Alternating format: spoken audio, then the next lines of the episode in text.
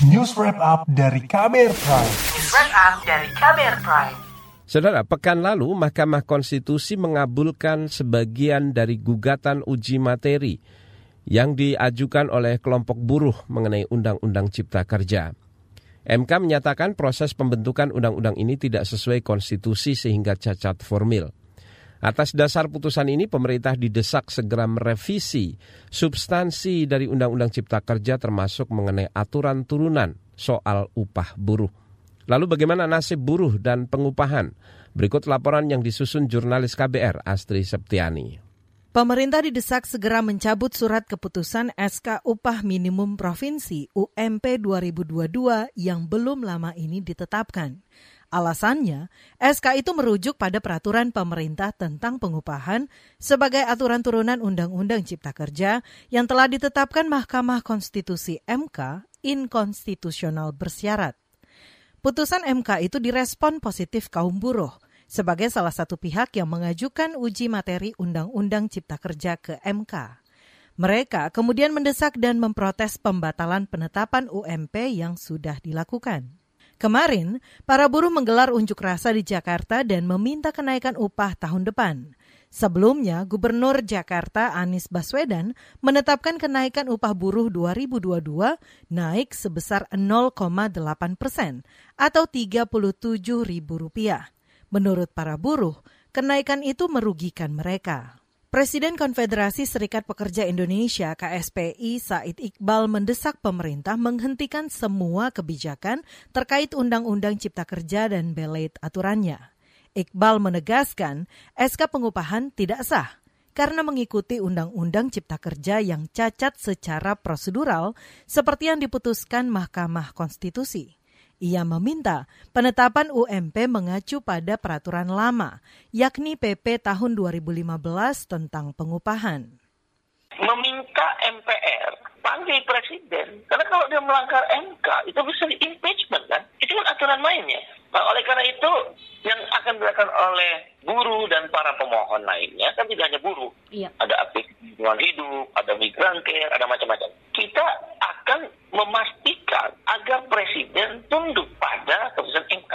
Dan yang kedua, menteri-menteri jangan mentafsirkan keputusan MK, nggak boleh. Yang berhak keputusan MK itu ya MK itu sendiri.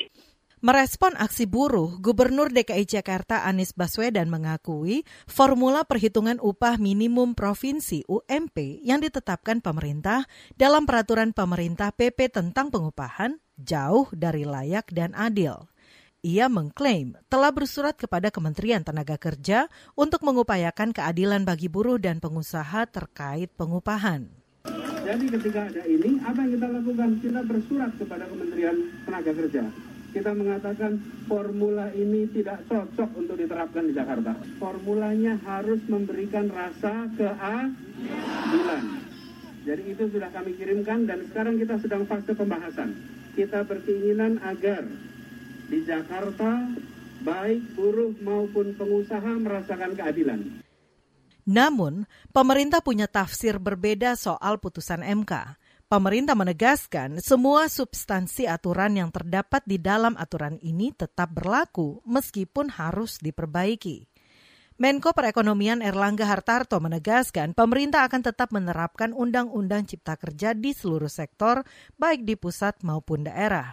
Salah satunya yakni mengenai aturan ketenaga kerjaan. Selain itu, kata dia, revisi Undang-Undang Cipta Kerja ini akan masuk program legislasi nasional DPR di 2022 yaitu pertama pemerintah terus melakukan operasionalisasi daripada Undang-Undang Cipta Kerja pada seluruh sektor, baik di pusat maupun di daerah, yang mencakup antara lain terkait dengan ketenaga kerjaan termasuk pelaksanaan terkait dengan jaminan kehilangan pekerjaan dan juga terkait dengan pengupahan.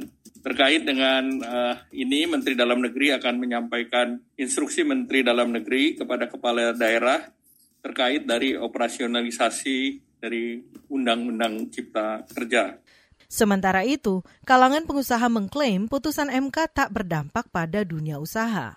Ketua Umum Asosiasi Pengusaha Indonesia Apindo Haryadi Sukamdani menyebut keputusan MK itu hanya menyasar pada ranah formal, atau pembentukan undang-undang yang tidak sesuai dengan undang-undang tentang pembentukan peraturan perundang-undangan. Uh, di situ disebutkan mengenai pembentukan undang-undang ya. Jadi uh, direvisi sampai dengan uh, pembentukan undang-undang itu uh, memenuhi hukum formil. Jadi kalau kami melihat ini adalah terkait dengan Undang-Undang Nomor 12 tahun 2011 yaitu tentang undang-undang pembentukan UU tentang pembentukan peraturan perundangan. Nah, intinya di situ. Demikian laporan khas KBR, saya Aika Renata. Kamu baru saja mendengarkan news wrap up dari KBR Prime. Dengarkan terus kbrprime.id, podcast for curious minds.